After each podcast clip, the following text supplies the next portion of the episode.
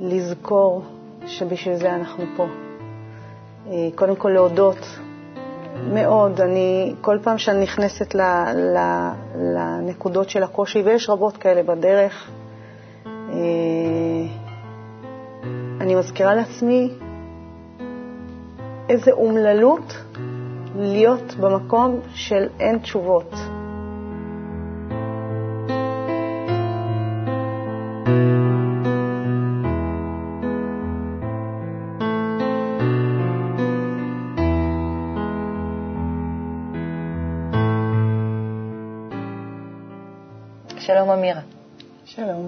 מה שלומך? טוב, באופן מפתיע האמת. כן? למה מפתיע? אה, אני די נמנעת מלהגיע לפה כבר הרבה זמן. אה, מאיזה סיבות? אני מגיל צעיר הבנתי שיש לי פחד קהל, ונמנעת בדרך כלל ממצבים של אה, שואו רחב, לא מרגישה שאני מבטא בדרך כלל במצבים האלה, אני נכנסת לאיזה פחד או פאניקה, ופשוט לריק. ומה קורה עכשיו? אבל אה, הבנתי שאולי הגיע הזמן לצאת מהאני ומהקופסה, ואולי בכל זאת אה, לתת מה שאני יכולה ממה שצברתי בדרך. קצת פחות אני, קצת יותר אהבה. משהו כזה, כן, משתדלת מאוד. בואי נהיה בזה ביחד ונתחיל. כיף.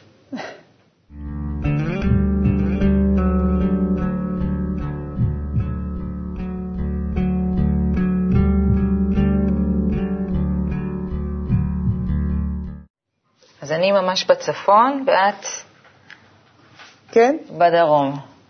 הבאת מצפן. כן. מה שמזכיר לי שאני באמת באה מהדרום. אז באופן מקרי, נקרא לזה בציניות, כי אין מקריות הרי, לא קיים דבר כזה. מצפן, למה הבאתי מצפן? אה, מצפן מהמילה מצפון, מצפן כי זה כלי שלא משנה אם תלך לאיבוד, הוא אמור תמיד לכוון אותך חזרה למקום שאתה רוצה להגיע אליו. אה, אני חושבת שהוא רב משמעויות בהרבה מאוד רובדים. בחיים שלי זה היה משהו שליווה אותי בערך מגיל 20, שזה קרוב ל-25 שנה כבר. אבא שלי נתן לי אותו כשיצאתי, עזבתי את הארץ לעולם, והוא אה, ארכיאולוג ומדריך טיולים, והיה לוחם בסיירת צנחנים או בנחל, לא זוכרת, מוצנח, ככה שהוא גם סייר מאוד אה, זה. וזה היה המתנה שלו, היה פה פתק קטן שעם השנים כבר נעלם, שהיה כתוב עליו אה, לא לאבד את הצפון.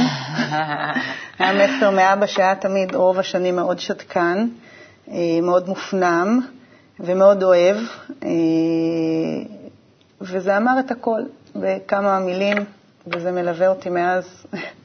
וככל שאני גדלה בחיים הפנימיים שלי, אני רואה כמה הדבר הזה הוא משמעותי. אה, יש איפשהו בקבלה למתחיל את העניין הזה של ה... לכוון, ומספיק שתסטה במעלה, כבר תגיע אה, מרחק רב מאוד מה, מהמטרה הסופית. אה, אני מכירה את זה טוב מהצבא, שם גם הייתי בקורס צלפים, אז אני גם בעולם הגשמי מכירה מאוד טוב את ההבדל הזה. מה מחזיק אותך לכיוון המטרה? אה, היום אני יכולה להגיד חד משמעית שזה חברה וקבוצה, עד כמה זה עוצמתי, כי כשאתה נמצא בפנים, לפעמים אתה שוכח את המטריה הזאת, כמה היא מהותית הסביבה הזאת הרוחנית. והבאת גם ציטוט? כן. זה אמר קונפציוס, כשהוא נשאל מה מדהים אותך ביותר בבני האדם, תשובתו הייתה, בני אדם מאבדים את בריאותם כדי לצבור כסף. ואז הם מאבדים את כספם כדי להציל את בריאותם. בשל מחשבותיהם על העתיד הם שוכחים את ההווה, ובכך אינם חיים לא למען ההווה ולא למען העתיד. ובה בשעה שהם חיים כאילו לעולם לא ימותו, הם מתים כאילו מעולם לא חיו. אין מה להוסיף על זה. כן, ממש ככה, זה ממצה מאוד את ה... אמיר, בואי נלך לילדות שלך. נראה איפה כל הדברים האלה נולדו שם.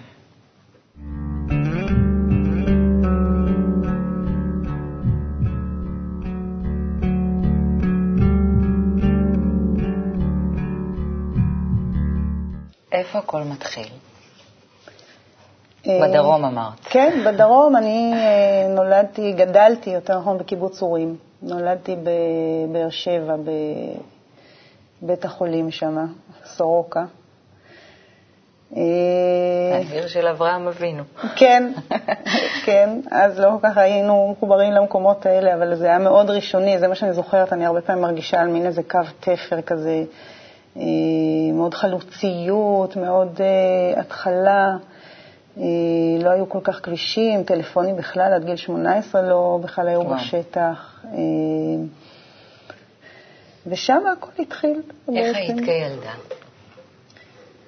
איזה ילדה היית? אה, הרבה מאוד ניגודים, כן, כי זה... כי זה... איפה אני מתחילה? כן, מצד אחד הייתי ילדה מאוד מרצה. מבחינת אימא שלי הייתי הילדה המאוד נוחה והמאוד מרצה. אה, עד רמה כזאת שכשאחותי נולדה וגדלה יותר והיא הייתה ממש אה, ההפך הגמור ממני, אז היא הייתה מעדיפה לכעוס עליי מאשר עליה, כי שם לא היה כדאי להתחיל בכלל. אה, מצד שני, בחוץ, הייתי הפרחחית והשובבה הכי גדולה. כל מה שלא יכולתי לעשות בבית, התבטא בחוץ. הייתי מאוד טומבוי, גם עד גיל מאוד מאוחר. תמיד יותר התחברתי לבנים ופחות לבנות. שם די היו לי אכזבות. אמ, זה היה ילדות מאוד אה, יחפה, רפת, הרבה בעלי חיים, אה, דשאים. נשמע טוב, נשמע כן. כיף. מה קורה בגיל ההתבגרות? גיל ההתבגרות אה, זה גיל שהייתי מוותרת אליו.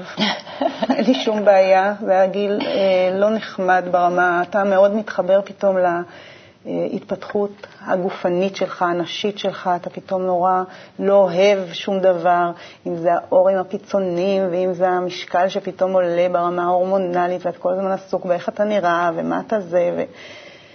ואני בפנימיות שלי שונאת את הדבר הזה. היה קשה, ולא הצלחתי להימנע ממנו. פשוט היה בי כל הזמן את המאבקים האלה בין הצורך להתעסק בדבר הזה לבין אה, אה, גיל כזה שאתה לא, לא אוהב בעצמך כלום, ולא, שום דבר לא מדבר אליך, ושום דבר לא הגיוני לך. מחשבות, שאלות, היו לך? זוכרת אוי, משהו מסוים? אני מגיל מאוד צעיר שואלת. אימא שלי אף פעם לא, לא יכלה להתמודד איתי. לא היה לה תשובות, האמת. מה שאלת? אה, לא הבנתי בעצם בשביל מה כל הדבר הזה שנקרא חיים. אני מדברת איתך כבר בבית ספר יסודי. אה, היא לא הצליחה לגרום לי להבין בשביל מה אני עושה את הדברים. אני אומרת, תמיד הייתי באה ואומרת לה, אוקיי, אז אני אסיים את הזה, אני אעשה את הבגרות, אני הולך לצבא, ואז מתחתנים ויש ילדים, ובסוף מתים, כאילו, אבל, אבל למה? כאילו, מה? מה, חוסר, ממש חוסר טעם מגיל מאוד צעיר. הייתי באה הביתה, מתיישבת, בלי הרבה רצון לעשות שום דבר, בלי שום תכלית, בלי שום הבנה, וזה דברים שמגיל מאוד צעיר, כאילו, אה, אה, העיקו. הייתי מרגישה הרבה פעמים מאוד זקנה בפנים, ו... ובחוץ תמיד משחקת משחק.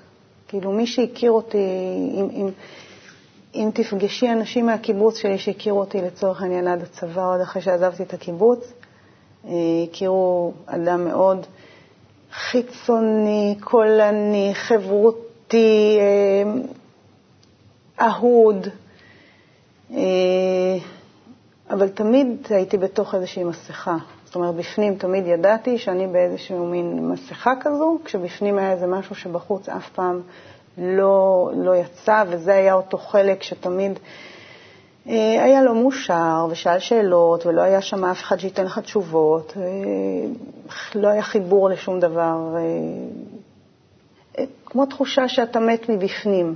אתה לא מרגיש שאתה באמת אוהב, אתה לא מרגיש שאתה באמת מאושר. אני כל הזמן ראיתי את האני החיצוני המשחק הזה, ובוחנת את הרגשות שלי אה, בפנים, שהם כמו בנמנס. כן, אין תחושות. אני זוכרת שהייתי נוסעת לבית ספר, אז היינו בתיכון, שנאתי את הדבר הזה, היינו נוסעים לאיזשהו בית ספר אה, אזורי, אה, והייתי מנסה באוטובוס לדמיין לעצמי מצבים כדי להביא את עצמי לידי הרגשה, למשל, שחס ושלום קורית טרגדיה כזו ואחרת. ואז הייתי נכנסת כאילו לאיזה עצב או לזה, בדיוק, כדי לחוש, ואז הייתי אומרת, מה את עושה, מה את עושה, תפסיקי עם השטויות האלה, חס ושלום, תהיי מאושרת. המוד של אימא שלי תמיד היה, תראי איך הכל בסדר, תחשבי, כל פעם שהייתי מעלה שאלות או שדברים, רגשות לא טובות במרכאות מבחינתי היו עולות, תראי כמה אנחנו ברי מזל, מה יש לנו, תראי איזה יופי, ואוהב משפחה שאוהבת אותה. כל פעם זה היה ה, אה, המסר, כאילו, אין על מה זה, מה יש, תהיה מאושר, אין, תודה על מה שיש, שברמה מסוימת, כן, צריך לבוא ולהודות על מה שיש, אבל למה יש את זה? בואי נראה אחרי צבא, אם יש לך תשובות לדבר הזה. למה יש את זה?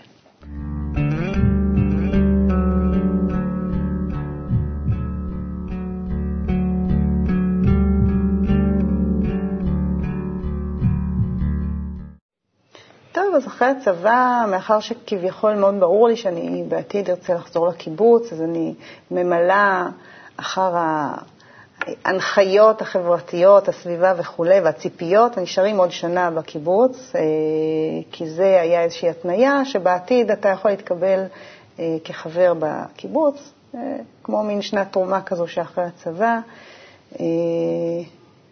עבדתי שם הרבה מאוד עם uh, הדרכה של בני נוער,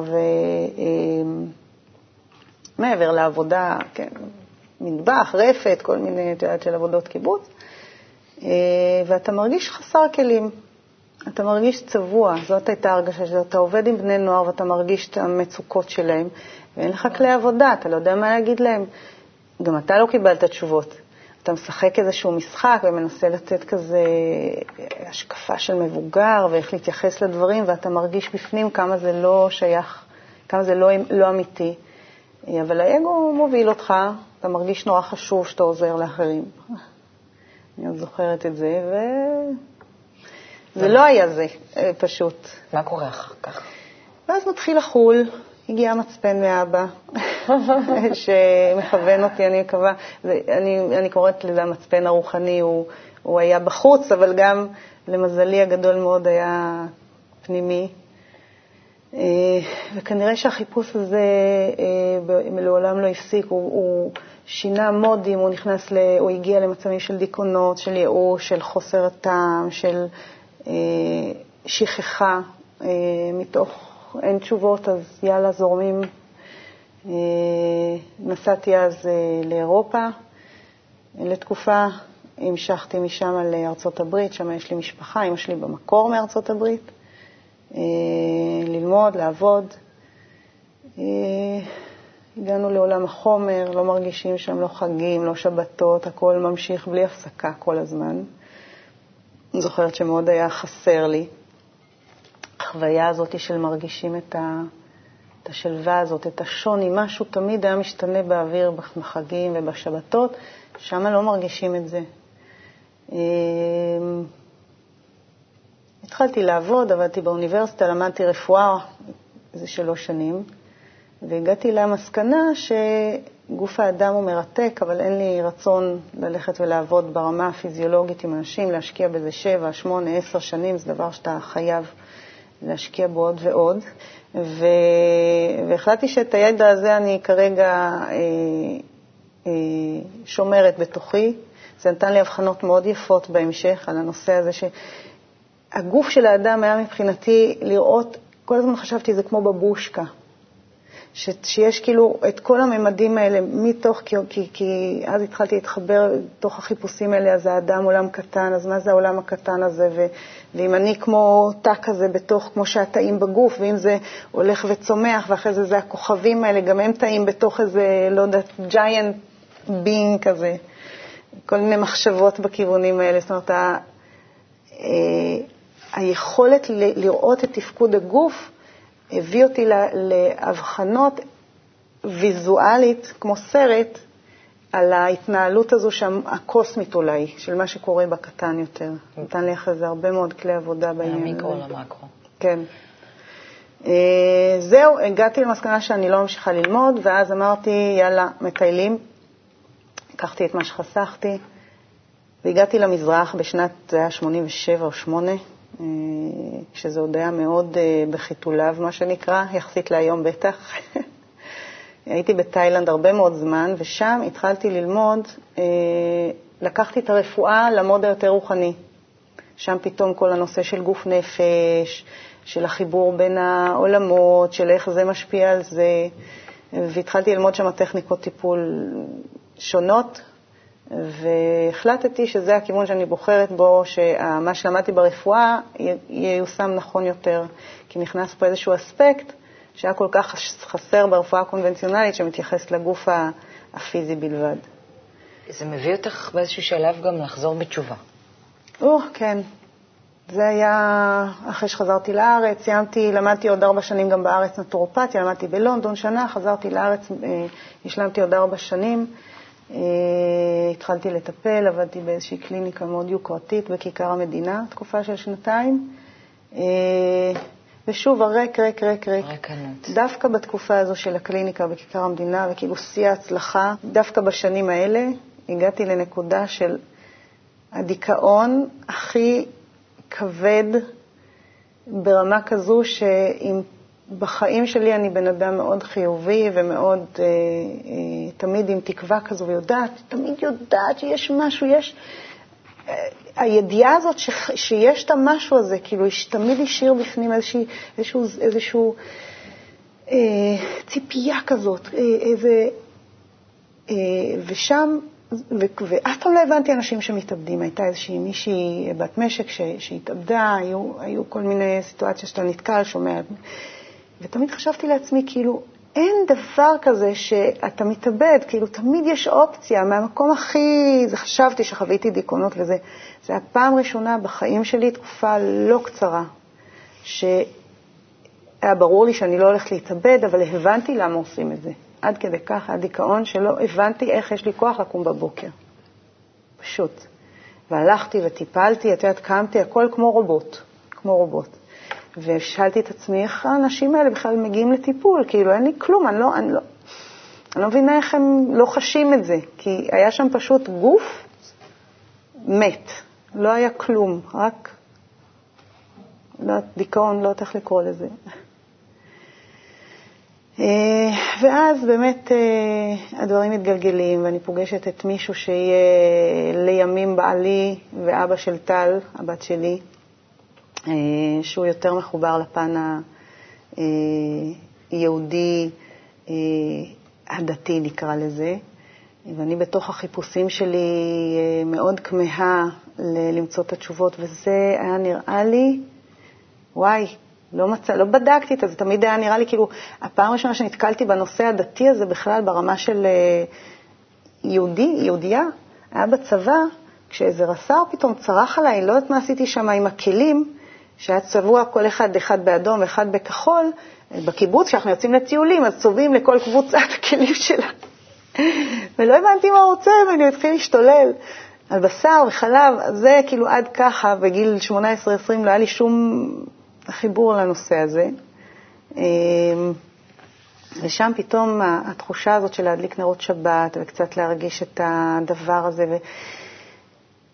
ואתה מרגיש פתאום, אתה קורא, פתאום אתה, יש עולם, יש רוחניות, יש גלגולי נשמות, ידעתי שזה קיים הדבר הזה, ואת יודעת... זה ריגש אותך. בטח, בטח, אתה מתחיל לחפש, אתה הולך לשיעורים, יש כל מיני זה. אה, שלוש שנים בערך בתוך כל התקופה הזו שגם התחתנו וילדתי את טל, ואני באיזה מין אה, משחק, הרגשתי כמו, ב, אה, כמו במשחק. צריך להתחפש, צריך לשים כיסוי ראש, צריך להיות הכי, אה, כן, לראות שכל השערות בפנים, מי שזה, זה צדיקה, צדיקה, קוראים ספר תהילים בכל זמן, בכל דקה פנויה, פותחים באוטובוס, בזה, בשבת הייתי הולכת לשבת עם אנשים שאני לא מכירה בכלל, ומריצה פרקי תהילים ככה ברצף כדי לגמור ספר, בקריאה, בשטף. אתה קורא, קורא, קורא, קורא.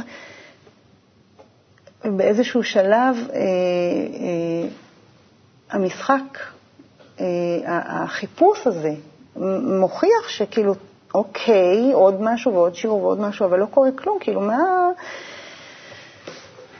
נאדה, שום דבר. אתה עושה ואתה משחק. אני בבית עם מכנסיים וכולי, מגיע מישהו, היסטריה שלמה, מהר לשים את הכיסוי, מהר ללבוש את החצאית.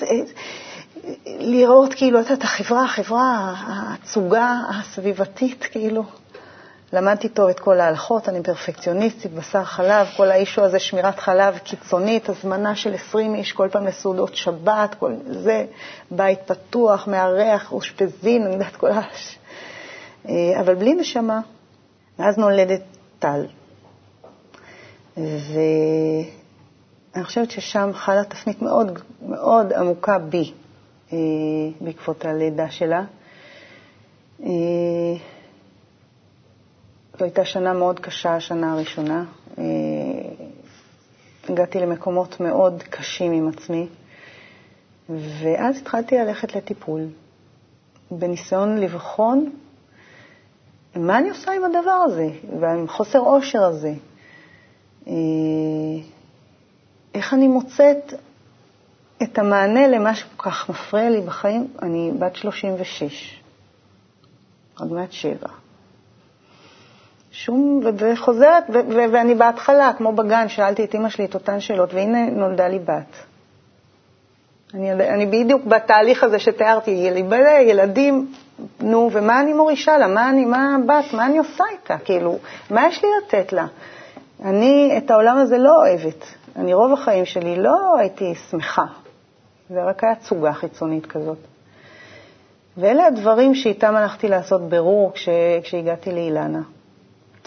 והאישה הזו פתאום מספרת לי ש... שהיא לומדת קבלה,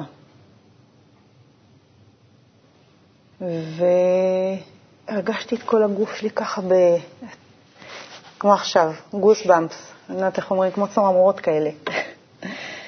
והייתה מעבירה שיעורים בקבוצות, ואני הייתי באה בנפרד מהטיפולים גם לשיעורים האלה, והיא התעקשה מהר מאוד שזה, שצריך להגיע לשיעורים, אז רב היה מעביר שיעורים לנשים בימי שישי בבוקר, ומשם, אה, זהו, זה, זהו, מצאתי את הבית, זה פתאום הכל התחיל ליפול, כל האסימונים, כל השאלות.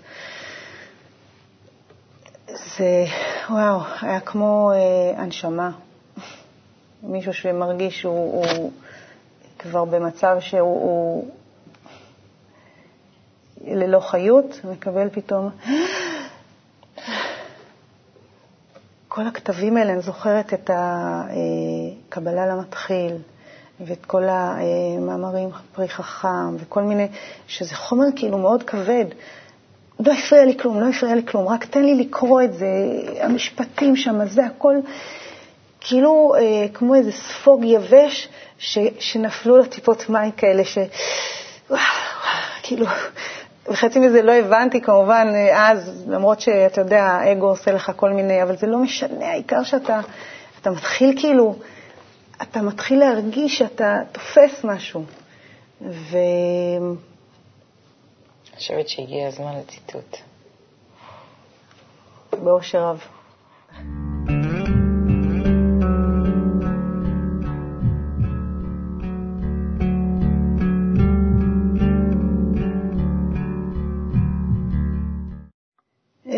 מאוד התלבטתי בעניין הציטוט. אה, כל התהליך הזה של הצילום, האמת, העביר אותי שיעור יפה. אני מבקשת מאוד כל הזמן אה, לא להתנתק מה...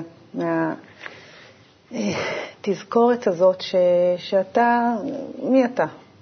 אתה פה בשביל משהו, וכל כך חשוב לא לשכוח את זה. ורק אתמול שמעתי איזושהי קלטת שיושבת אצלי באוטו, ושם אה, יש משהו שרב אומר כהכנה להפצה לשבוע הספר, וזה מה שהוא אמר. אני חושבת שכולנו צריכים בעצם אה, לזכור שזה, שזה הייעוד שלנו.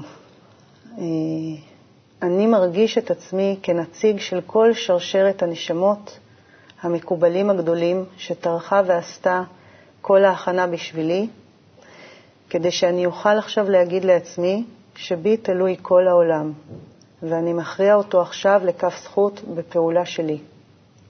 ואף אחד לא יכול לעשות זאת אלא רק אני. הרב מיכאל לייטמן, שבוע הספר.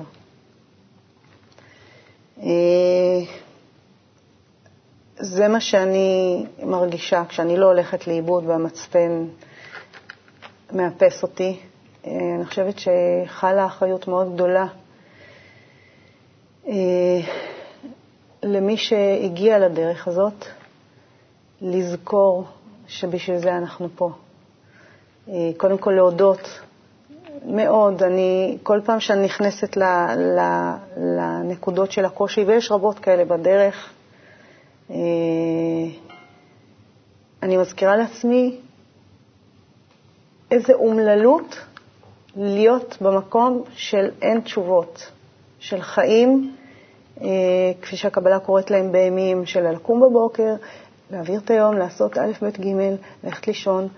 הגוף הזה עושה רצף של פעולות, אין שום תוכן. אה, יותר מדי שנים בשבילי, 37 שנה של אומללות. אה, הגיעו לקיצם. הגיעו לקיצם. ואני מגיל מאוד צעיר מלמדת את הבת שלי שזו מכונית. אה, כל אחד יש לו איזה מודל, ובמודל הזה יושב נהג. וכמו שבכביש הנהג מאוד אחראי למה שקורה בחוץ, גם בתוך הגוף הזה יש נהג, אה, והאחריות שלנו היא בבחירה לאן הוא לוקח ומה הוא עושה. נפלא. אז כן. איך אה, השתנתה תפיסת הנשיות שלך? מעולם לא היה לי מלחמה עם זה, לא חיפשתי להיות אשת קריירה, ואני יודעת מה זה, אף פעם לא מאוד העסיק אותי ברמה הזו. אז מה בכל זאת השתנה? מה, מה את מרגישה שהתפקיד שלך היום שונה ממה אה, שאישה של, בית, של בית, את אומרת בית, לא, לא קריירה, לא... לא, הוא שונה מהותית. אני חושבת שבתור אה, נשים, בטח נשים שנמצאות בדרך ומבינות את מהות התפקיד, אה, אני מתוך אה, אה, ניסיון החיים שלי ובתוך העבודה הזו כנטורופטית מאוד אה, נכנסתי לבחינה הזאת של אה, פיזיקה קוונטית, כוח המחשבה, אה, איך עובד הנושא של טלפתיה. יש הרבה מאוד ספרים שעוסקים בזה, יש אה, מצלמות שיודעות לצלם היום את השדה החשמלי ואת החשיבה וכל מיני דברים מהסוג הזה. אה, אנחנו בנויים מחלקיקים, אה, שההתחלקות שלהם והתנועה שלהם היא אינסופית. זה היום במדע מאוד מודגש, מאוד ברור, לא נושא לשאלה. וכוח המחשבה הוא הכוח החזק ביותר שקיים, זה כבר מבוטא בהרבה מאוד אה, אה, פורמטים, גם מדעיים, ואני חשה את זה מאוד חזק. אני חושבת שביום אה, שהאישה מתחברת לפנימיות שלה ומבינה שהחיבור אה, הזה, שצריך להיות בין נשים, צריך להיות מתוך רצון למטרה משותפת. אה, אני חושבת שהשינוי המהותי שעובר לאחרונה, זה בתוכי, בהבנה שלי כמובן, על הכלי הנשי הזה מבחינת התפתחות רוחנית, זה אולי הצורך להבין שאנחנו לא רק אה, אה, צריכות, אנחנו חייבות להתחבר, אה, להתחבר למען מטרה משותפת. ואני חושבת שה... התוכן הפנימי הזה של החשיבה, של הרצון המשותף, של הגדרת היעד הזה, אה, לאן אנחנו רוצים, ולשם אה, לכוון את כוח המחשבה שלנו, את העוצמה הזו שלו, של הכלי הנשי, שילחץ על הגברים בחיסרון שלו, בדרישה שלו, בהכרחיות לקום ולעשות מעשה של אותו חיבור פנימי במחשבות. תודה רבה, אמירה. שנצליח. יחד. כל החיים שלך הם קובץ הפתעות. תדרוש לקלוט אותם כמו ילד שמשתוקק לדוגמאות. זה לא עניין של שכל או לימוד. הטבע מלמד אותנו לפתח נכונות. וכשאתה לוחש לעצמך, אתה נמצא עם הבורא, כי הוא בך. אתה קולט אותו בכל אותם החלקים שנמצאים בתוכך מאז ולתמיד, והוא מקשיב, תאמין לי, הוא מקשיב. כל החיים שלך הם קובץ הפתעות. תדרוש לקלוט אותם כמו ילד שמשתוקק ללמוד. רק תשתדל להישאר בהשפעה, כי שם שוכנת השכינה והקדושה, ואז תראה את העולם באור אחר. שינוי הוא רק בתדר שאתה בוחר.